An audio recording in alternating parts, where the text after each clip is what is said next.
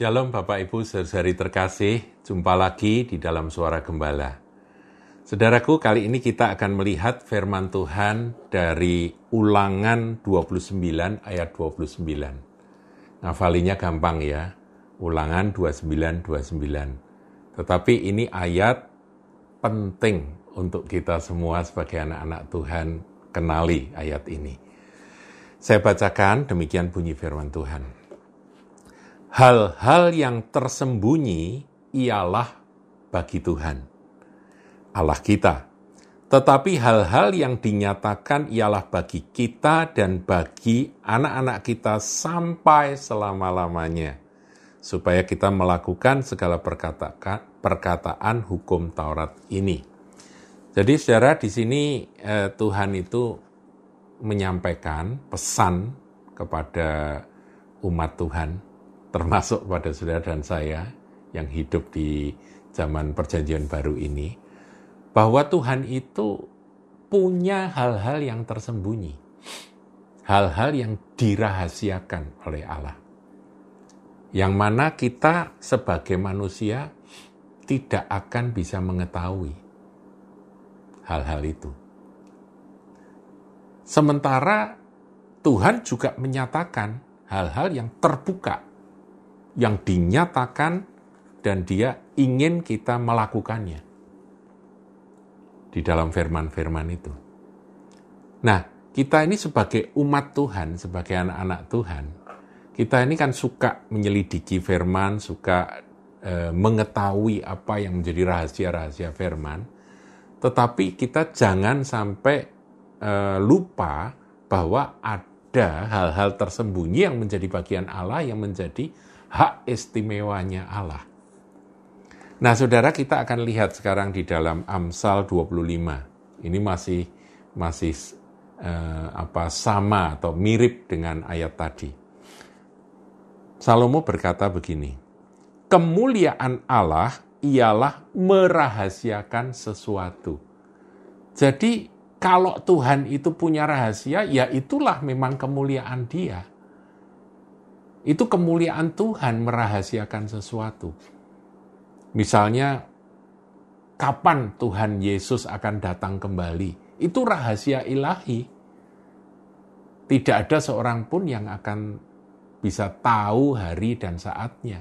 Nggak ada. Karena itu rahasia.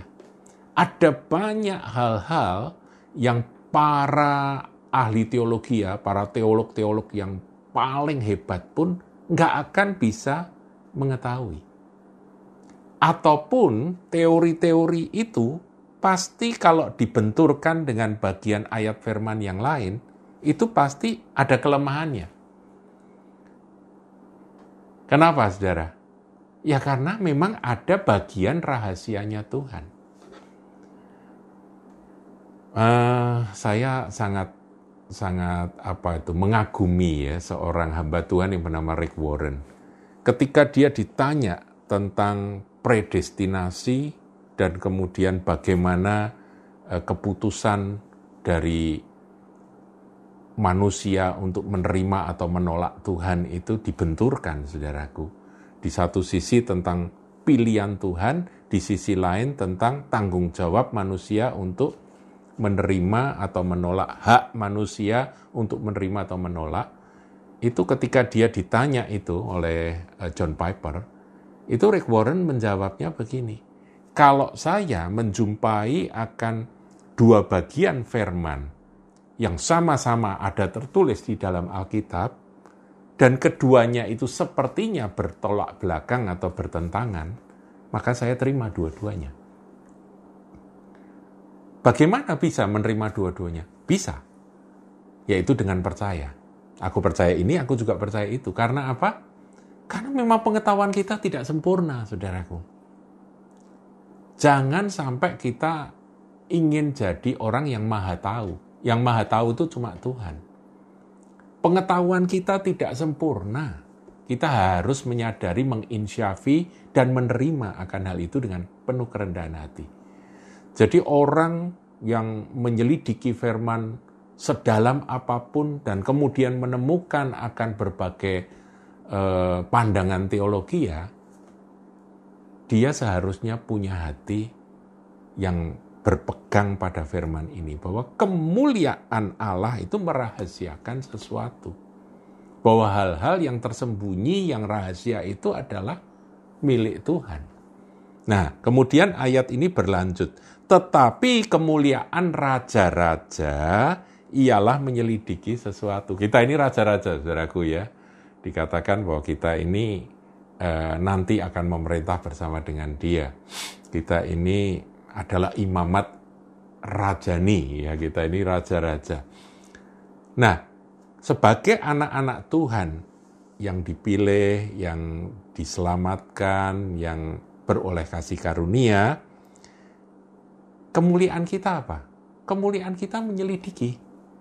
Jadi menyelidiki firman Tuhan, meneliti firman Tuhan, merenungkan firman Tuhan, bahkan menemukan akan pandangan-pandangan teologi tertentu itu tidak keliru, saudara. Itu diizinkan. Namun jangan sampai melupakan akan kalimat sebelumnya. Bahwa Bapa kita, Tuhan kita, Allah kita punya kemuliaan, yaitu merahasiakan sesuatu yang kita memang tidak ketahui. Dan saya harap saudaraku, eh, cara pandang seperti ini akan membuat kita ini rileks, membuat kita ini tidak ngotot ya berpegang ya di dalam uh, pandangan teologi yang paling paling berseberangan atau paling umum kita kenal itu adalah yang satu pandangan Arminian, yang satu pandangan Calvinis begitu ya. Nah ini dua-dua ini nggak bisa dipertemukan, tapi dua-dua ini punya dasar firman. Nah saya sangat sangat ini apa menghargai dan menghormati uh, pandangan dari Rick Warren hamba Tuhan itu yang berkata dua-dua saya terima. Ya, jadi pandangan dari Calvinis juga diterima sebagian, pandangan dari Arminian juga diterima. Karena apa, saudara? Karena dua-duanya berdasarkan firman Tuhan. Nah, kalau gitu kamu pelin-pelan dong. Enggak. Kenapa pelin-pelan? Aku tidak maha tahu. Aku percaya akan kebenaran firman ini ya dan amin. Itu aja, saudara. Kenapa kita takut dikatain pelin-pelan? Enggak, kita Alkitabiah kok. Jadi kalau saya ditanya, pandangannya eh, Pak Theo ini apa? Ya saya bilang saya pandangannya Alkitab. Alkitab ngajarin apa? Yang cenderung ke Arminian, ya saya terima. Yang cenderung ke Calvinis, ya saya terima. Nah itu bertentangan tuh, ya biar. Ngapain pusing? Itu rahasianya Tuhan. Aku percaya. Saya harap saudara memahami akan apa yang saya maksudkan. Dan saya berharap ini boleh menjadi sebuah masukan yang jadi berkat bagi Anda semua. Tuhan Yesus berkati.